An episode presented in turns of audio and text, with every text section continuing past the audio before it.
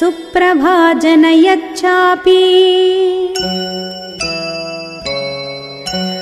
पुत्रान् पञ्चाशतम् पुनः संहारान्नाम दुर्धर्षान्। दुराक्रामान् बलीयसः